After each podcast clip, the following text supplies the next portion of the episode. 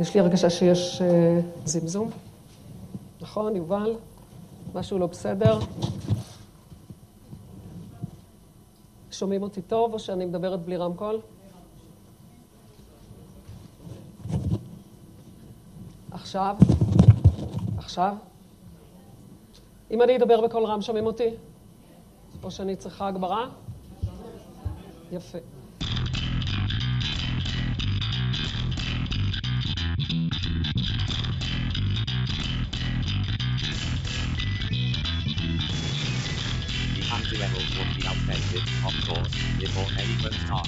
10 on the page.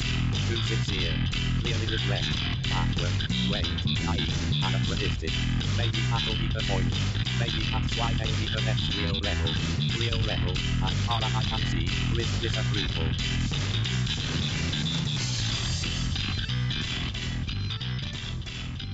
בוקר טוב, צהריים טובים, אחר צהריים טובים, ערב טוב, לילה טוב ולפנות בוקר נהדר לכם. אתם מאזינים למשדר רשת, לי קוראים ארז, משדר רשת, פודקאסט בענייני השעה, שזה מה שמעניין אותי בשעה שבה אני מדבר.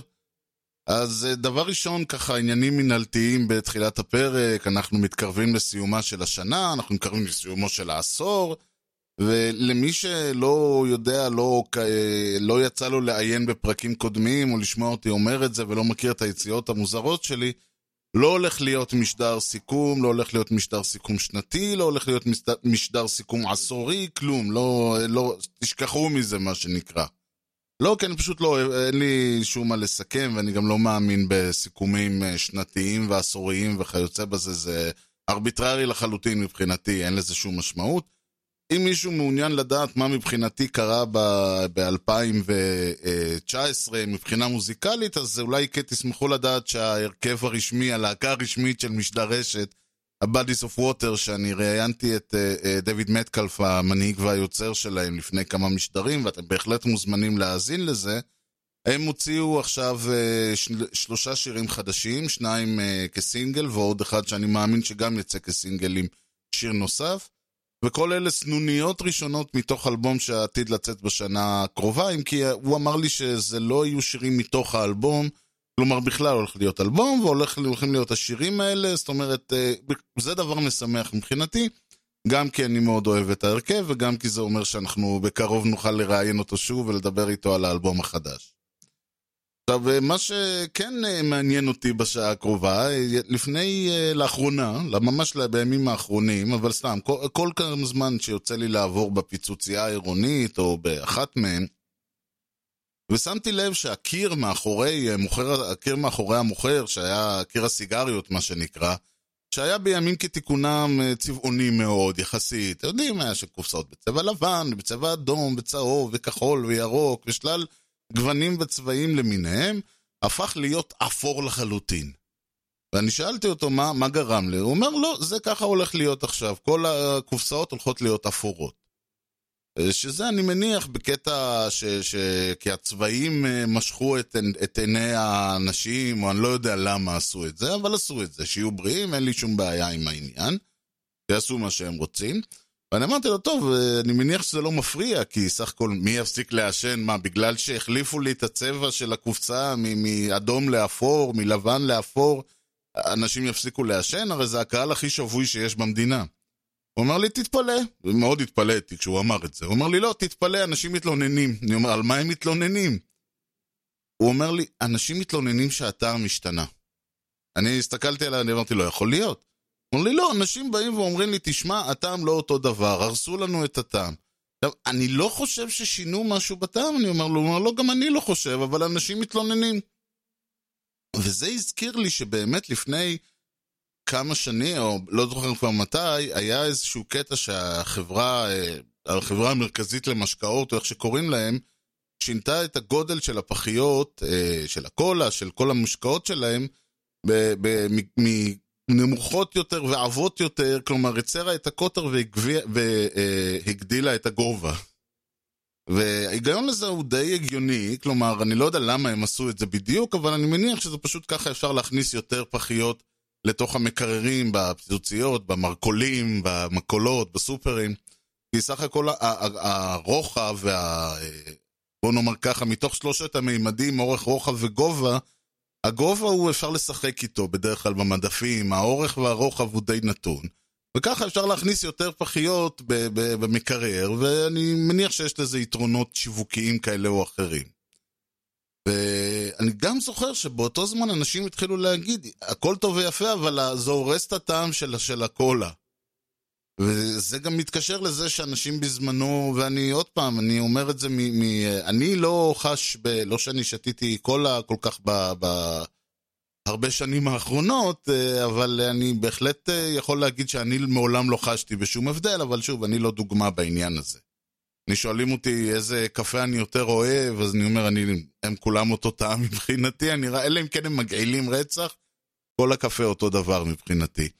ולכן אני לא מתיימר להיות מבחין גדול, מה שכן, אנשים בהחלט התלוננו על זה שהטעם של הקולה בפחיות החדשות שונה.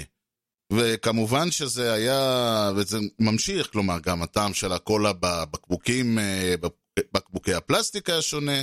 שלא לדבר על זה שמביני דבר יגידו שבכלל כולכם מדברים שטויות, הקולה האמיתית, הטעם האמיתי, הוא בכלל בכלל בקולה בבקבוק זכוכית.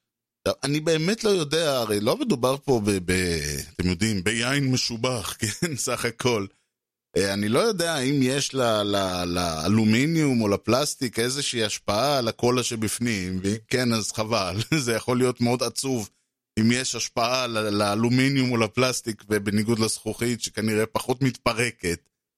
אבל עצם הרעיון של משנים את הגודל של הפחית, משנה לה את הטעם, שלא לדבר על זה שמשנים את, ה, את האריזה וזה משנה להם את הטעם לסיגריות, זה קצת אה, מבחינתי, אני, אני עוד פעם לא יודע אם זה נכון או לא נכון, אה, ובטח שאני לא עשיתי לא מבחני טעם ולא מבחני ריח ולא בדקתי את הנושא, אבל זה לא מפתיע שאנשים רואים בשינוי של משהו, אה, רואים ואומרים, תשמע, זה, זה לא אותו דבר.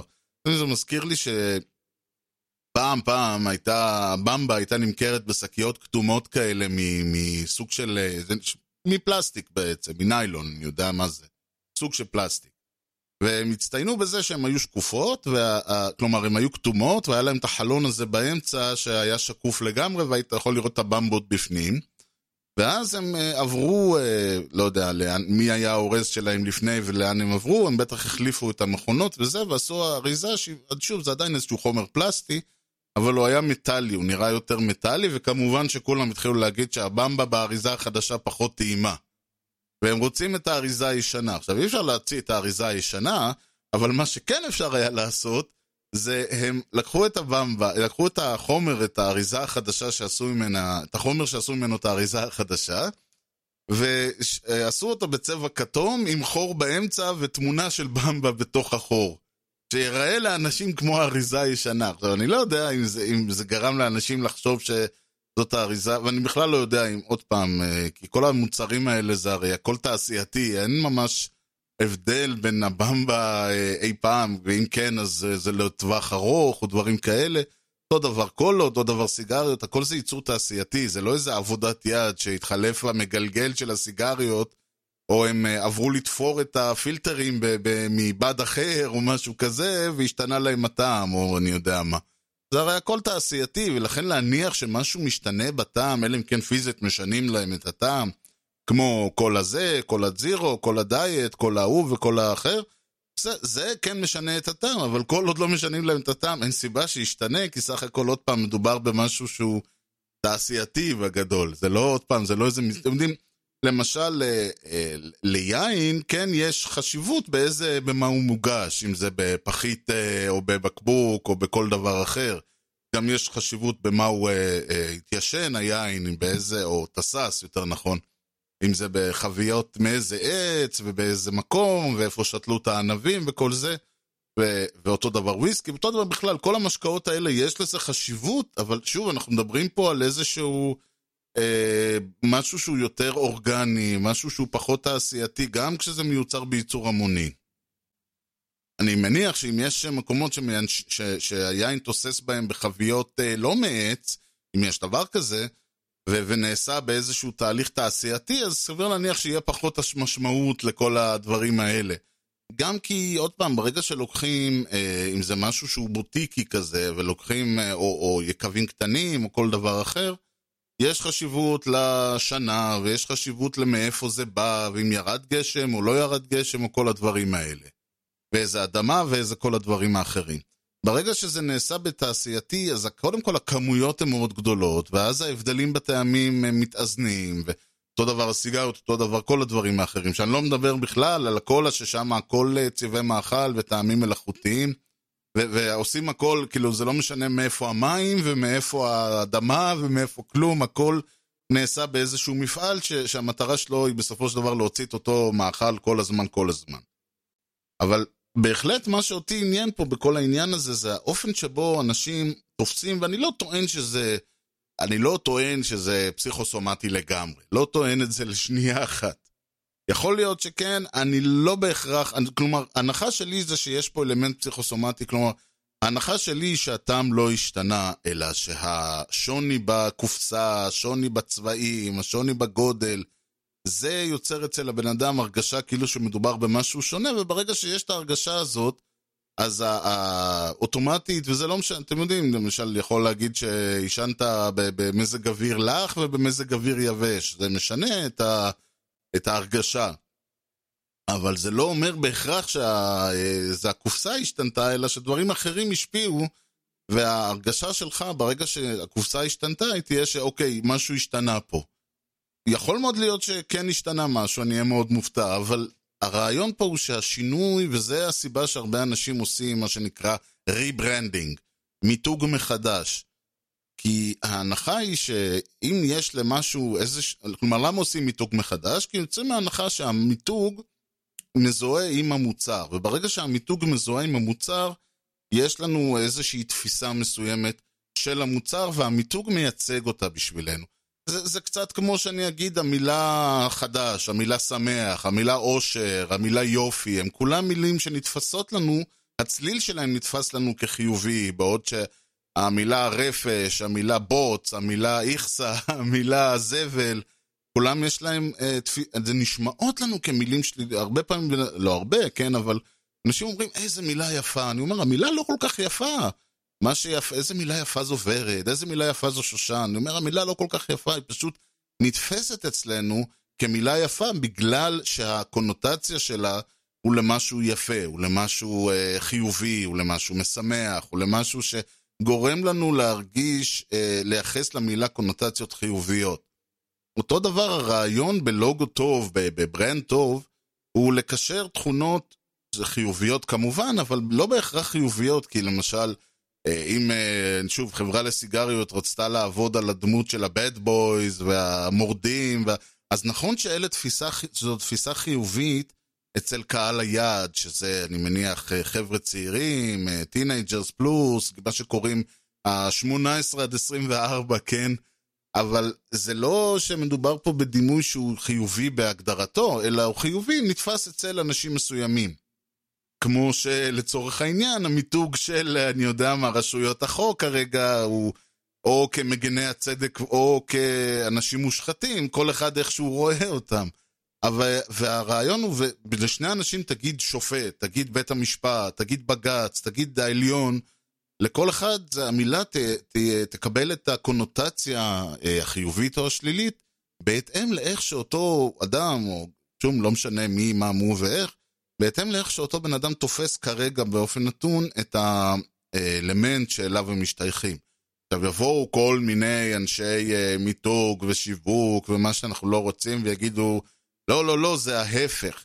מותג טוב הוא זה שנותן את הקונוטציה החיובית, והקונוטציה החיובית שהברנד יוצר, הלוגו, הצבע, שוב, אם הצבע הוא אדום או כתום או ירוק או בז' או אפור, או מה שזה לא יהיה, והלוגו וכל הדברים האלה, זה יוצר אצל הבן אדם הרגשה חיובית, וההרגשה החיובית, או הרגשה שנתפסת כחיובית, והחיובי הזה מקרין לגבי המוצר. ואז אם אנחנו נשנה את ה brand, אם ה brand למוצר יש שם שלילי, או נתפס כשלילי, או כל דבר אחר, ואנחנו נשנה לו את ה brand, הופה, מעשה קסם, אנחנו ניצור אצל הלקוחות תפיסה חדשה של ה brand. דוגמה שאני חוזר אליה המון פעמים, חברת פלאפון. על פניו, בן אדם אומר לעצמו, איזה, מה יש לפלאפון יותר אה, אה, שלילי ביד? יש להם את הפלאפון. כלומר, בזכות זה שהם נהיו הראשונים ותפסו את המילה הזאת, אני זוכר שהיו, יצא לי בזמנו, ממש בזמנו, לפני איזה 20 שנה, כן? לדבר עם נציגים, נציגות של חברת אורנג', אה, מה שהיום פרטנר. והם, אה, אני הייתי אומר להם, בן אדם מתקשר לפלאפון שלי, אומרים לי לאורנג' שלך. הם, הם היו מוכנים לכרות לעצמם יד. אם הם היו, בן אדם, היו פוגשים, לא יודע מה, איזה מלאך או שטן, ומנכ"ל אורנג', כן, בארץ, והוא היה אומר לו, ממחר כל האנשים מפסיקים לקרוא לפלאפון פלאפון ומתחילים לקרוא לו אורנג', תמורת זה אתה חותך לי יד ימין, הוא היה חותך לו את יד ימין באותו רגע. כי העובדה הזאת שאנשים היו קוראים לסלקום שלהם פלאפון, לאורנג' שלהם פלאפון, לנוקיה שלהם פלאפון, זה שהפלאפון הפך להיות למותג גנרי, שם גנרי, כמו שג'יפ זה, זה גם שם של הרכב, אבל זה גם החברה. אז ברגע, או שכמו שאנשים אומרים, אה, תעשה גוגל, כן? וכאילו ש... לא, תאורטית יש מנועי חיפוש אחרים, אבל הרעיון הוא שגוגל הפך להיות לאיזשהו שם גנרי. אז פלאפון היה שם גנרי של מכשיר טלפון סלולרי. ואתה חושב לעצמך, בעצם לא צריך לעשות עוד שום מיתוגים ושום דבר ושום branding ושום shmanding, אתם עשיתם את זה. זה כלומר, בזכות זה שהייתם ראשונים, וזה מחזיר אותי אשכרה למשדר הראשון, שדיברתי על זה, אולי, אולי אפילו הזכרתי את זה אז אה, על פלאפון. אבל בזכות זה שאתם הייתם חברת פלאפון, הייתם הראשונים ש... שנכנסתם לשוק והצלחתם לדחוף את הקונספט, המילה הזאת, והיא הפכה להיות לשם גנרי, שיחקתם אותה, זכיתם בלוטו אנשים, זהו, אתם לא צריכים לעשות יותר שום דבר. מסתבר שהם כן היו צריכים לעשות משהו, מכיוון, ואנחנו נדבר פה על, עוד פעם, על אה, ימים עברו, היום כמובן הכל השתנה והכל אחרת, וזה לא אותו דבר כמו שהיה פעם, אבל הרעיון הוא שאנשי פלאפון, או חברת פלאפון יותר נכון, מה לעשות, מסיבות כאלה ואחרות נתפסה באופן שלילי. בכלל, מי שזוכר, כשאורנג' נכנסו לשוק, אז היה, היו לנו בעצם פלאפון, סלקום ואורנג'. וזה הלך ככה. סלקום נתפסו בתור הזולים והגרועים, פלאפון נתפסו בתור היקרנים והגרועים, אורנג' נתפסו בתור היקרנים והטובים. וזה היה בדיוק הרעיון. אורנג' אמרו, הלכו, דיברו על זה שהם כאילו בקטע של קהל עסקי וקהל אה, זה, סלקום היו יותר עממיים, היותר, אה, אה, פנו לקהל היותר רחב, ופלאפון, אנחנו, למי שנתקע איתנו, אנחנו עוד פה. זה בערך היה הרעיון שלהם. ותסכימו איתי, או לא חייבים, כן? אבל תסכימו איתי, שזה לא בדיוק הדרך שאני בתור מישהו שיש לו מוצר לשווק, זה הדרך שאני רוצה שבה אנשים יראו את המוצר שלי. אפשר לומר שזה הדבר האחרון שאני רוצה שיחשבו על המוצר שלי.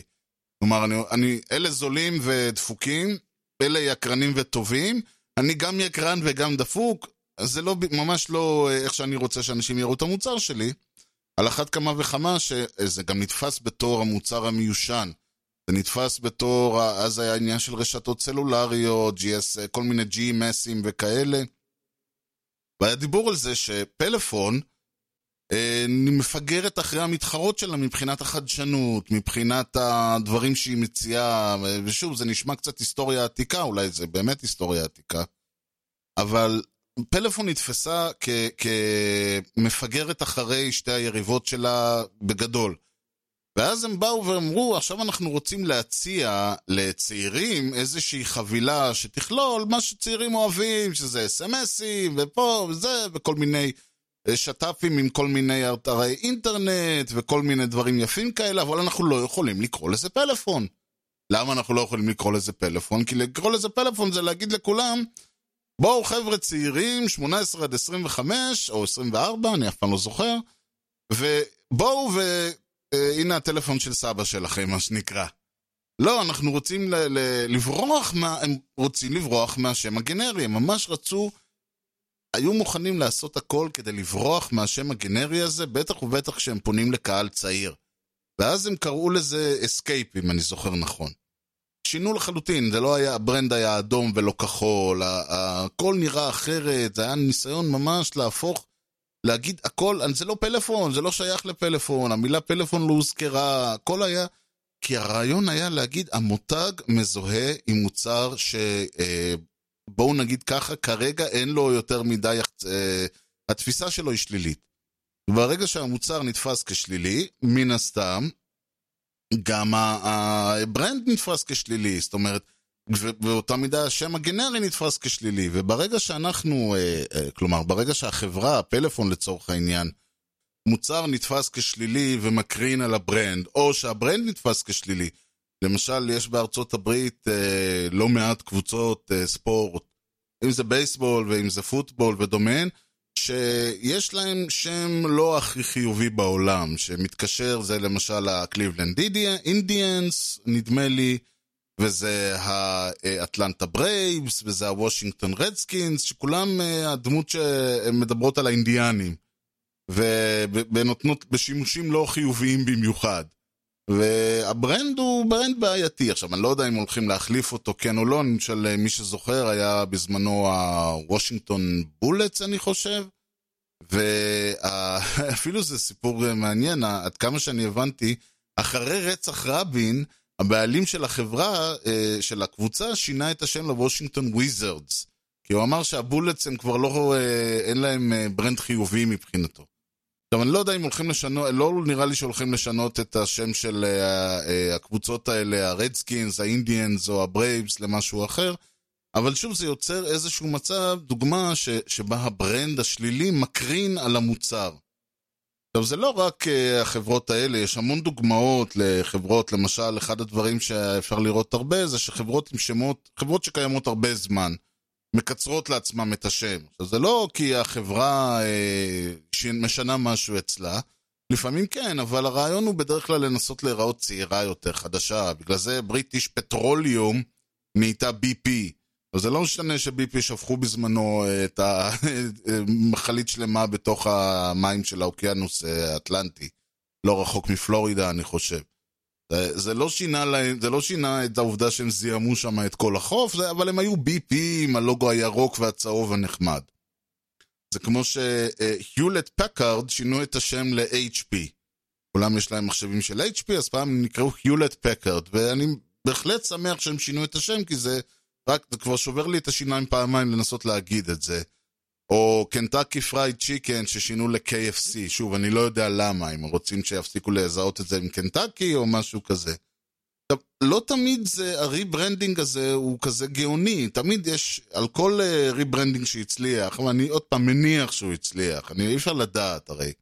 זה לא שהאנשים התחילו לנהור ל-KFC בהמוניהם ברגע שהם הפסיקו להיות Kentucky Fried Chicken. לחלופין, זה לא שכמו שאמרתי, הנפט של אה, אה, BP זיהם פחות את האוקיינוס, אה, את החוף, מהרגע שהם היו BP ולא British Petroleum.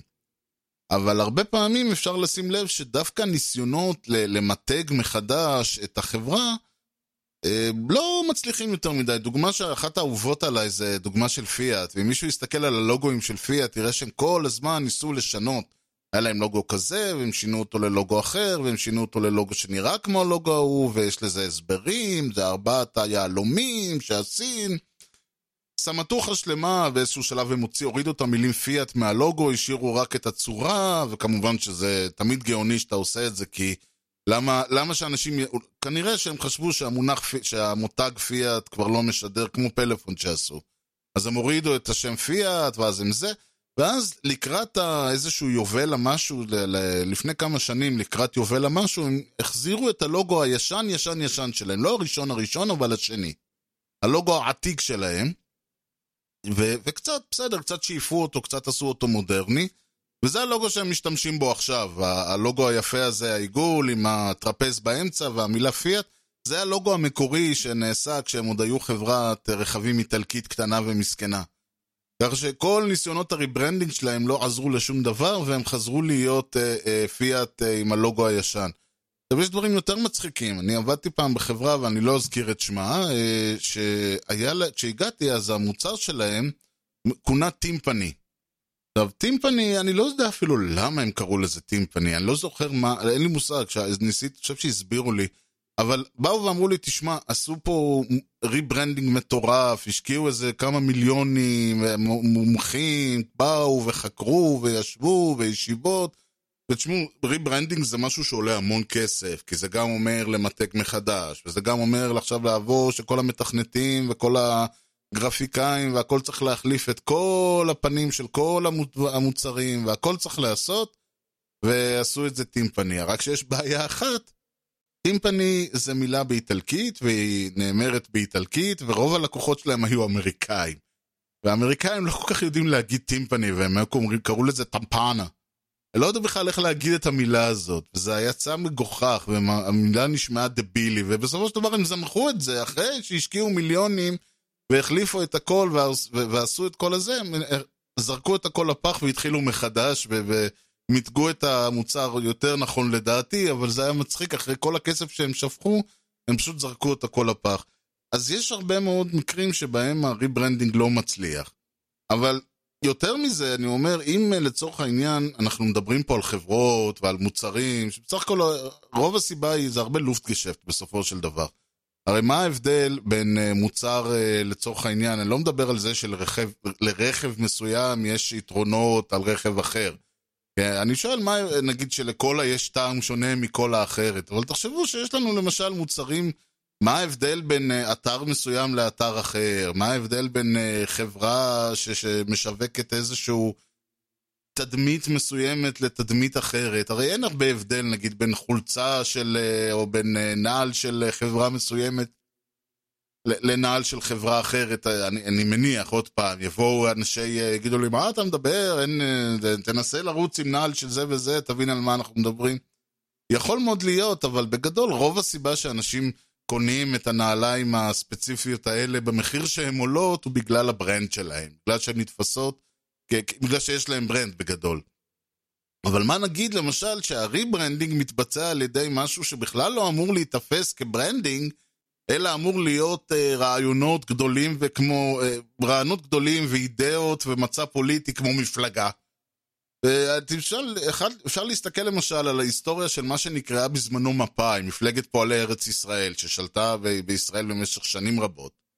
ואז ביום אחד, אה, לקראת, אה, בשנות ה-60 או משהו כזה, אחרי שפרשו ממפא"י רפי וכל מיני כאלה, אז הם התאחדו, אה, רפי ופועלי ציון, והתאחדו וקראו לעצמם אחדות העבודה, ואז מפלגת מפא"י התאחדה עם אחדות העבודה והם קראו לעצמם המערך, שזה סוג של אה, איחוד שכזה. ואחרי זה המערך התאחד גם עם מפ"ם, ואז הם, יום אחד הם אמרו, טוב, אנחנו כבר לא המערך, למה? למערך, אה, אני מניח שזה גם כן היה כחלק מה... אה, באחת הבחירות שהם הפסידו בהם, או, או לא השיגו תוצאה כמו שהם רצו, אז הם כמובן שאלו למה. האם אנחנו לא מדברים יותר אל העם? לא, אנחנו מדברים לעם. האם... אה, אני יודע מה, למסר שלנו אין ממש משמעות, האם המנהיגים שלנו לא זה, האם העם כועס על מה, כעס על מה שעשינו בכלכלית, מדינית, האם ה... מה, מה הסיבה? אה, השם, ואז הם החליפו את השם להעבודה. שיבינו, זה יחזיר אותם לתקופה של הפועלים, של ההסתדרות, של הלייבור, של כל הדברים האלה, זה ייצור זהות. זה לא סתם מפלגה כלשהי קיקיונית במדינה קיקיונית, אלא זה חלק מתנועת הלייבור העולמית. זה רעיון יפה, לא הצליח יותר מדי, ואז uh, בבחירות 99, כלומר זה הצליח כשרבין uh, uh, היה ראש הממשלה, אבל אחרי מותו זה שוב פעם חזר ל- ל- לליכוד.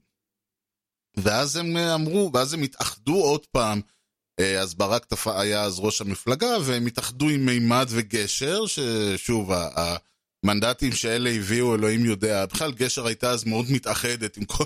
הלכה לליכוד, לעבודה, לליכוד, עכשיו הם עוד פעם בעבודה, הם מפלגה מאוד מתאחדת, גשר. ואז הם קראו לעצמם ישראל אחת. למה הם קראו לעצמם ישראל אחת? כי שוב, הם לא רוצים לקרוא לעצמם העבודה. זה אגב די מקביל למה שעשו, כי, שוב, העבודה נתפסה כשמאל, העבודה נתפסה כהולכים עם הערבים, העבודה נתפסה, לא יודע למה, איך, אבל ניסו לברוח מהתדמית של העבודה של המערך, אז קראו לעצמם ישראל אחת. וזו אותה סיבה למה לכחול לבן קוראים כחול לבן.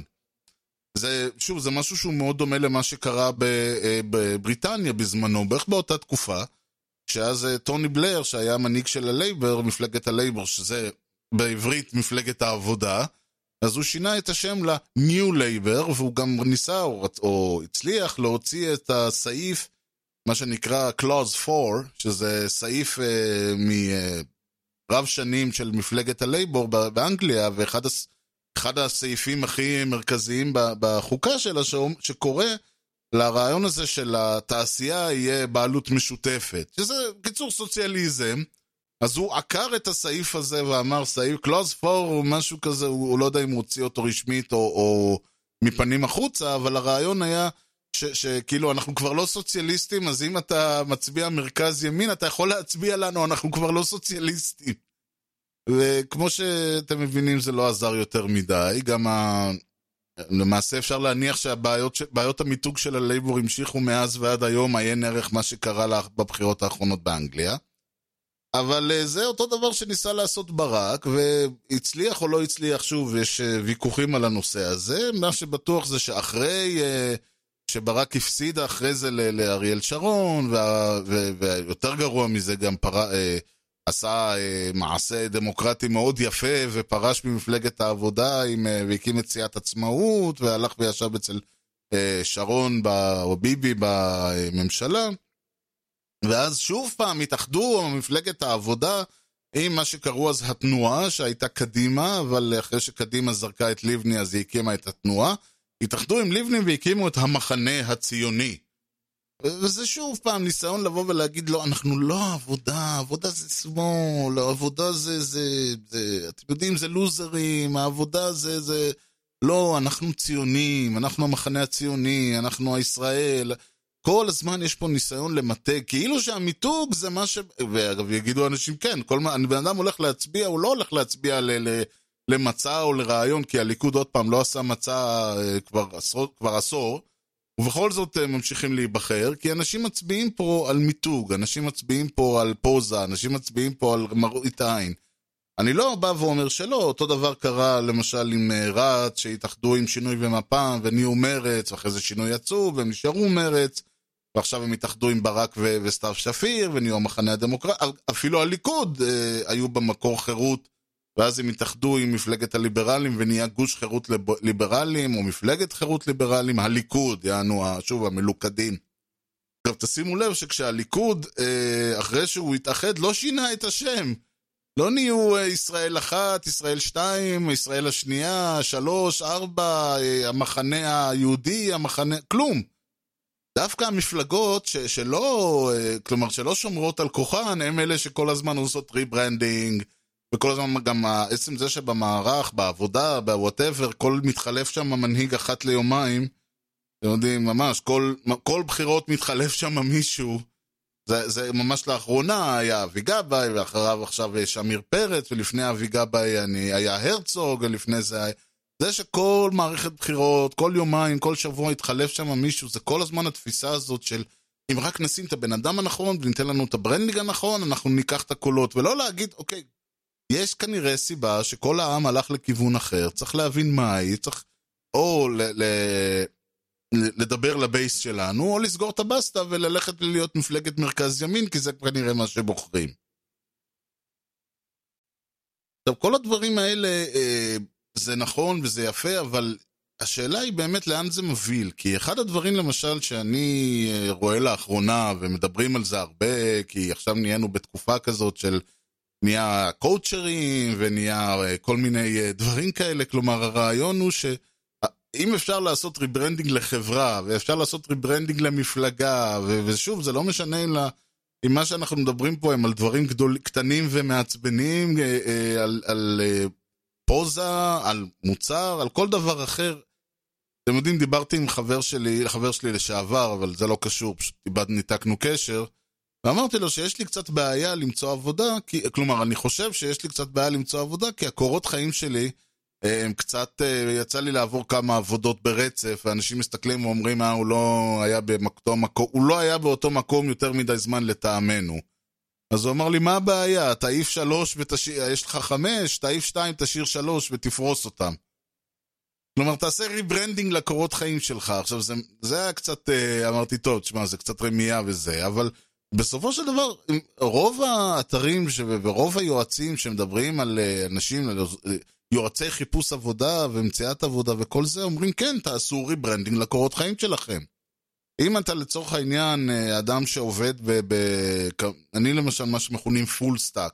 כלומר, אני עוסק בכל אה, התחומים מ database, דרך שרת, דרך שרת web, דרך ה client אה, אה, וכל הדברים האלה. כן, לא משנה בדיוק הסיפור, יהיה לינק וכיוצא בזה. עכשיו נגיד שאני הולך לעבודה שאומרים שמחפשת רק מישהו שעושה אלמנט אחד מכל האלמנטים האלה. האינטרס שלי הוא להדגיש בקורות חיים שלי שבכל עבודה שהייתי בניסיון שלי היה להדגיש את הניסיון שלי בתחום שהם מחפשים, כי אם אני אדגיש את הניסיון שלי בתחום של ה database וה backend והם מחפשים מישהו עם דגש על ה front, הם יגידו, טוב, אבל אנחנו מחפשים דגש על ה front.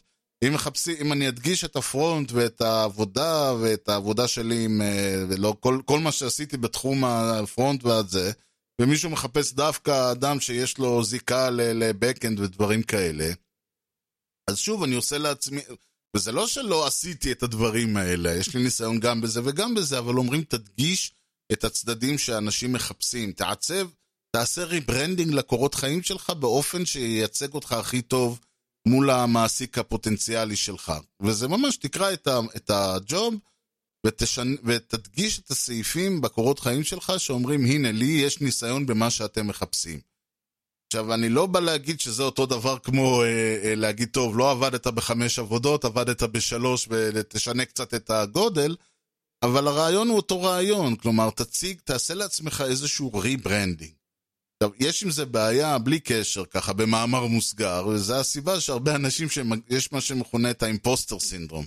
הרבה אנשים מגיעים למקום חדש, ומה לעשות, גם המומחה מספר אחד, ואני ראיתי את זה בעיניים שלי, תביאו את המומחה מספר אחד לתחום, של, לחברה שלכם, ייקח לו זמן ללמוד את, ה, את הפרודוקט, ייקח לו זמן ללמוד את המערכת. זה, זה לא משנה עוד פעם, זה, זה שהוא המומחה מספר אחד בתחומו, לא הופך אותו למומחה מספר אחד למערכת שלכם, הוא עדיין יצטרך ללמוד אותה וזה לוקח זמן, זה יכול לקחת חודש, חודשיים למשל, אפילו שלושה חודשים, המערכת היא מספיק גדולה ומורכבת.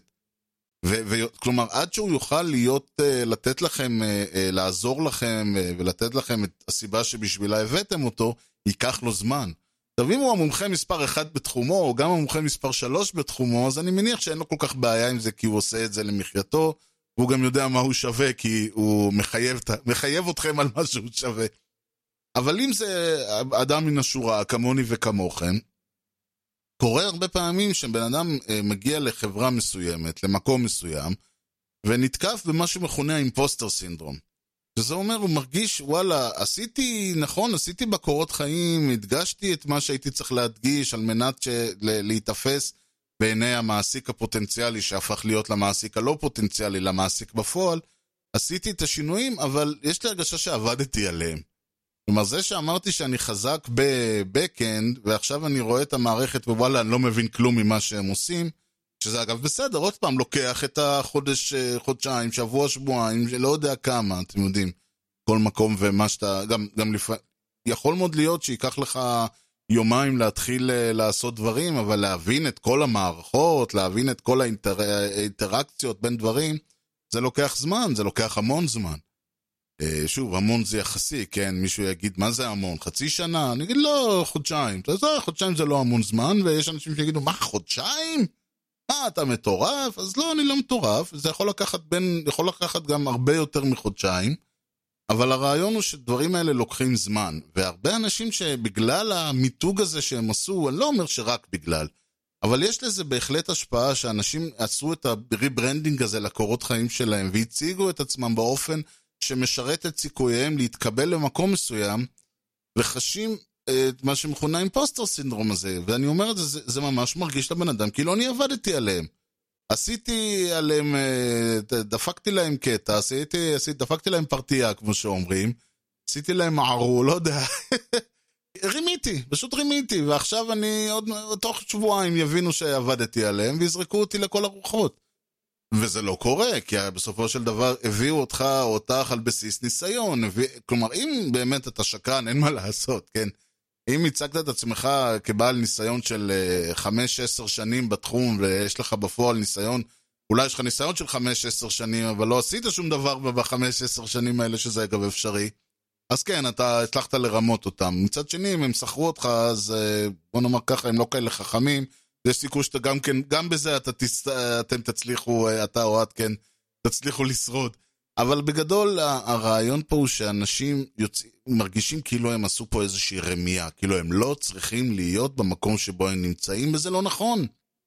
סך הכל ה rebranding הזה הוא, הוא בסך, זה, זה איזשהו, כלומר, צאו מהנחה, אני אומר, הרבה פעמים אני אומר, שהצד השני יודע שאתם עשים את ה... עשיתם את המסאז' הזה. זה לא, אף אחד לא חושב שאתם מרמים פה, הם אומרים, אוקיי, אני רואה מה הוא עשה, אני רואה שהוא מדגיש את הצדדים שזה, כלומר, כבר אני רואה שהוא יודע אה, על מה, למה הוא הולך, ומה הוא מתכוון, מה אנחנו מחפשים, ועושה את ה... ומראה לנו שהוא יש לו את הניסיון בדברים האלה, וזה בסדר, ואז שואלים אותך את השאלות, ויש להם את המבחנים, או את ההבנה, או את מה שזה לא יהיה, ווואלה, הגעת למקום, כנראה בזכות.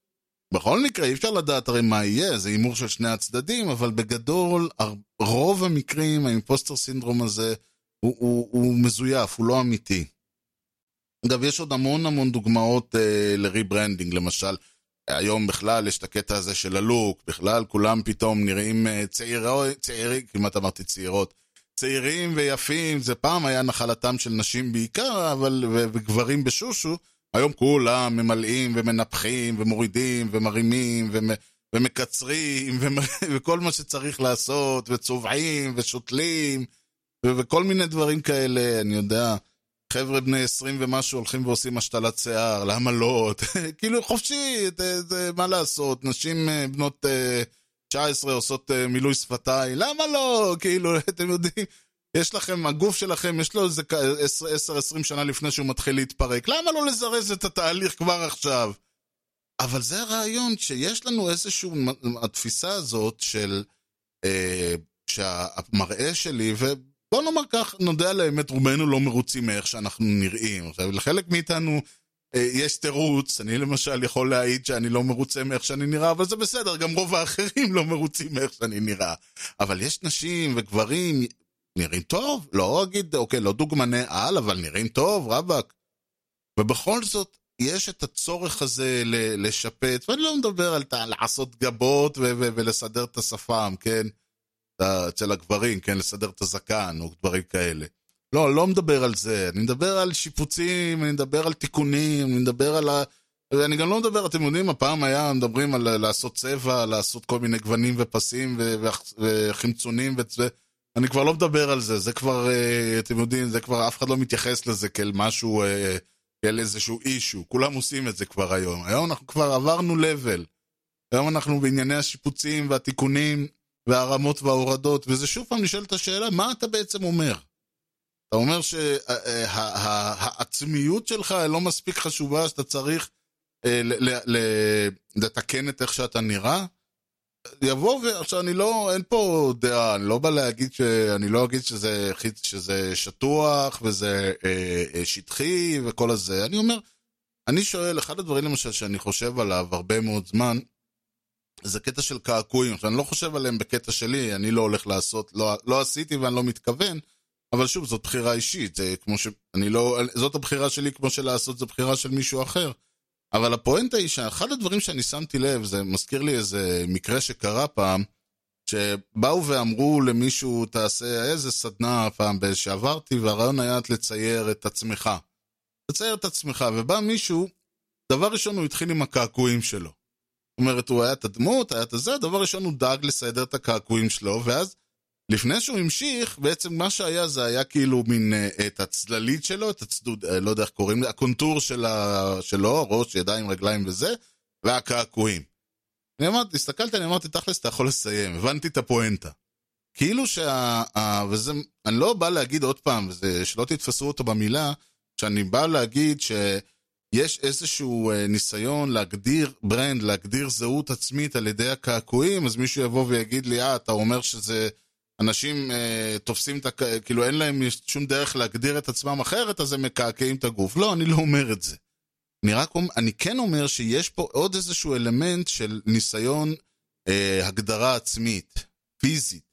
כמו שמישהו בא ואומר, אני החמצן, אני אשתיל, אני אגלח, אני ארים, אני אוריד, כן?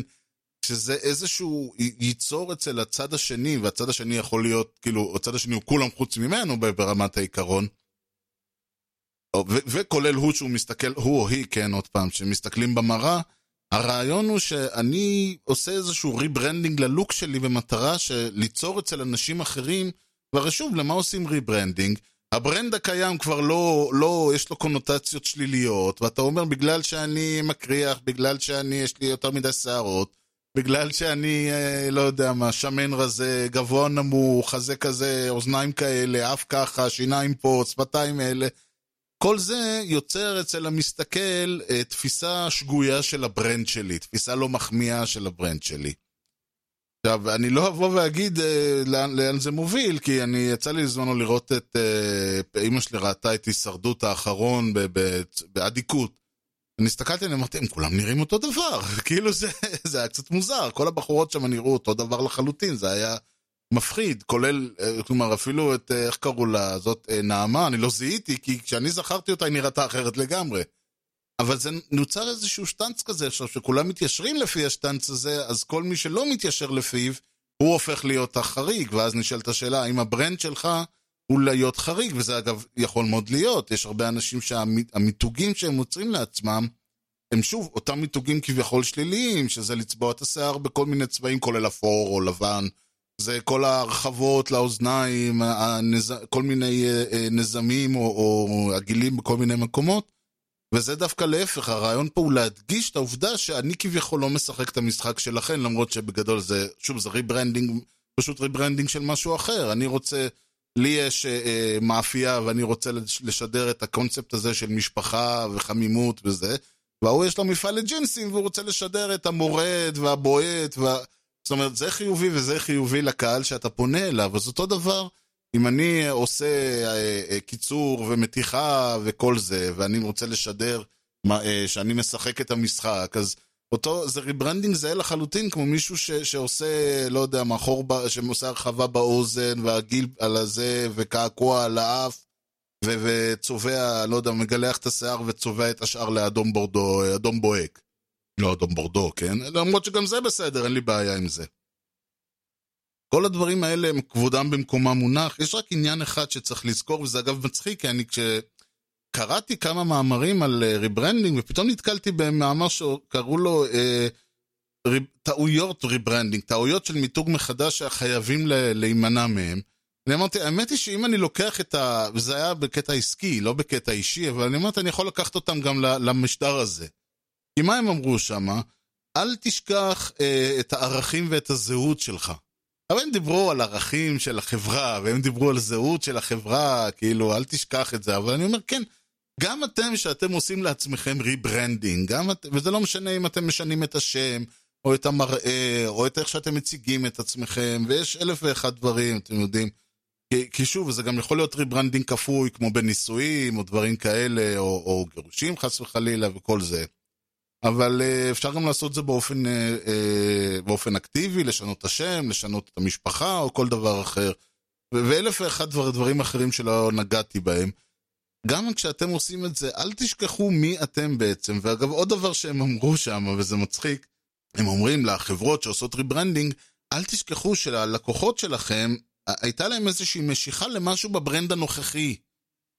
כלומר, זה, זה שהגעתם לאן שהגעתם, למצב שבו אתם יכולים לשפוך שני מיליון דולר על rebranding, אה, זה בגלל שה brand הקודם שלכם היה מספיק טוב למספיק אנשים.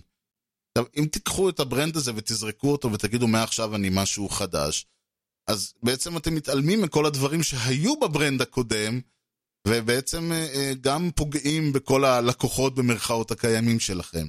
כלומר, כש, כשכל אדם עושה לעצמו rebranding, וזה לא משנה אם זה מסיבות אישיות, עסקיות, חברתיות, אה, להיראות יותר טוב, שכיף לו להסתכל במראה, כל דבר אחר, אל תשכחו שמה שהביא אתכם עד לפה, הלקוחות הפוטנציאליים שלכם, או הלקוחות הקיימים שלכם, מאוד אהבו, ולכן זה אגב אותו דבר שאפשר להסתכל ולהגיד לאותן מפלגות, ולאותם זה...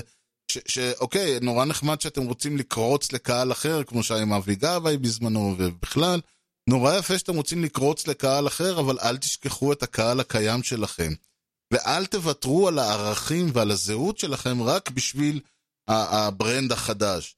אתם יודעים, אני קראתי שוב אה, אה, סקירת העיתונות של, ואגב, השבוע הייתה מעולה, אני אשים לינק למרות שאני לא מדבר עליה, אבל השבוע פשוט בסקירת העיתונות של העין השביעית הייתה מעולה. אבל זה מסקירת העיתונות של שבוע שעבר, שדיברו שם בין השאר על הריאיון שעמית סגל, שאני ממש לא מחזיק ממנו, אה, אה, לא עיתונאי ולא אה, שום דבר, אבל היה איתו ריאיון, ושם שאלו אותו מתי הוא החליט לצאת מהארון. כלומר, מתי הוא החליט ל... כאילו שעד אז כולם ידעו שהוא אה, ימני, מתנחל קיצוני, בן של טרוריסט וכל זה, אבל הוא כאילו לא הביע את דעתו בשידור. ושאלו אותו מתי החלטת לצאת מהארון ולהפוך, ולהתריס ולהגיד, כן, כן, אני עמית סגל, ימני, קיצני, מתנחל, בן של טרוריסט. מתי החלטת לעשות את זה? ואגב, הוא הצליח מאוד מאז, כי כל דבר שלילי שאומרים עליו, הוא מיד, הוא מיד אומר, טוב, זה בגלל שאתם שמאלנים, אז אף אחד לא מעז להגיד לו כלום. והוא אמר אה, שהיה לו איזה, הוא היה באיזה בופה, והוא היה כתב פוליטי, וגדעון לוי, שכולם מכירים, אה, שהוא כותב, אה, הוא כתב עם דעות שמאלניות מאוד, והוא כותב על אה, השטחים, אה, נקודת המבט של הפלסטינאים, וכל מה שכרוך בזה. והוא החמיא לו, הוא החמיא, הוא אמר לאשתו של עמית סגל, הוא החמיא לה שהוא מאוד אוהב את בעלה, מכיוון שהוא לא מביע את הדעה האמיתית שלו, אי אפשר לדעת מה הדעה האמיתית שלו. הוא אמר שזה יפה, שאדם, דע... שאדם שהוא כזה קיצוני על המפה הפוליטית, בכל זאת שומר על האובייקטיביות העיתונאית, אני מניח שזו הייתה כוונת המחמאה. ואז אה, עמית סגל אומר, כרגע, כלומר הוא אומר למראיין, עמית סגל, ואני מצטט, כרגע העיתונאי שדעתו הכי ברורה בארץ, החמיא לי שלא יודעים מה דעתי, משהו פה לא הגיוני. אחד משנינו, כלומר, עמית, אחד או עמית סגל או גדעון לוי, מתנהל לא בסדר. אז אם יש רגע שהחלטתי, במרכאות, כלומר, הוא אומר, אם יש רגע שהחלטתי לצאת מהארון ולהצהיר שאני, כן, כל מה שאני, זה היה הרגע. עכשיו, יכול מאוד להיות שמי שלא היה בסדר הוא גדעון לוי, אבל אני לא נכנס לזה כרגע. זה אבל הרעיון, כלומר, לא משנה מי אתם ומה אתם, אל ת, תסתירו, אל תעשו rebranding ותמחקו את מי שהייתם. אל תהפכו להיות המותג שמאחוריו אין שום דבר. תזכרו שבסופו של דבר המותג הזה אמור לשווק מישהו, והמישהו הזה הוא אתם, ויש לכם מספיק דברים טובים בעצמכם, גם בלי ה brand החדש או הישן שלכם. גם ב brand הישן שלכם, וגם בטח ב brand החדש שלכם.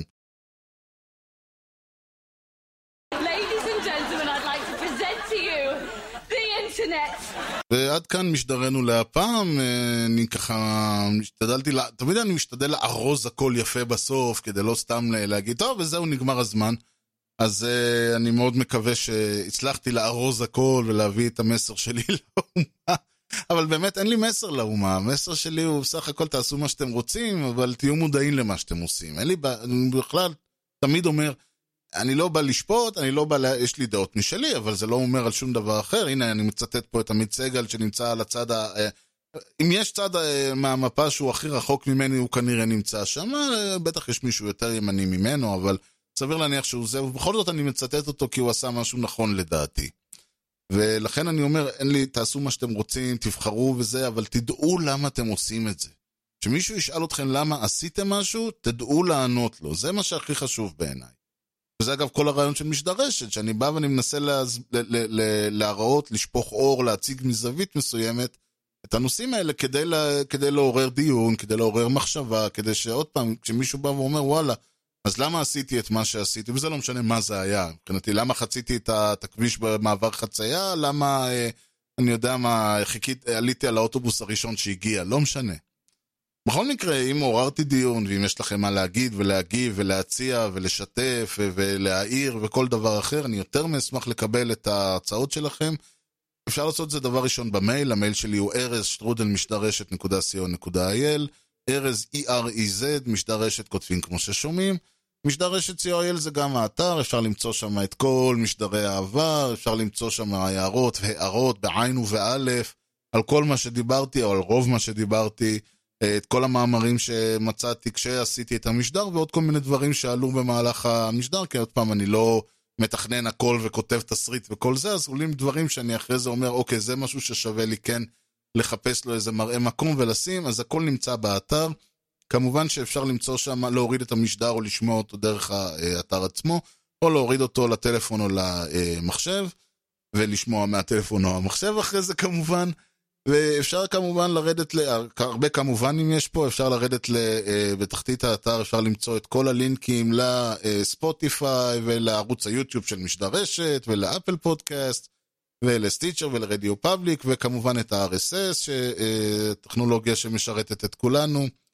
וכמובן ש... ושוב כמובן אפשר למצוא את משדרשת בפייסבוק, facebook.com/משדרשת או בטוויטר, twitter.com/ארז. ואני חושב שבזה נסיים סופית את המשדר להיום. אני בהחלט רוצה להודות לכם על שהאזנתם. אנחנו נתראה במשדר רשת הבא, ועד אז אני הייתי ארז, ושיהיה לכם המשך יום נהדר. להתראות.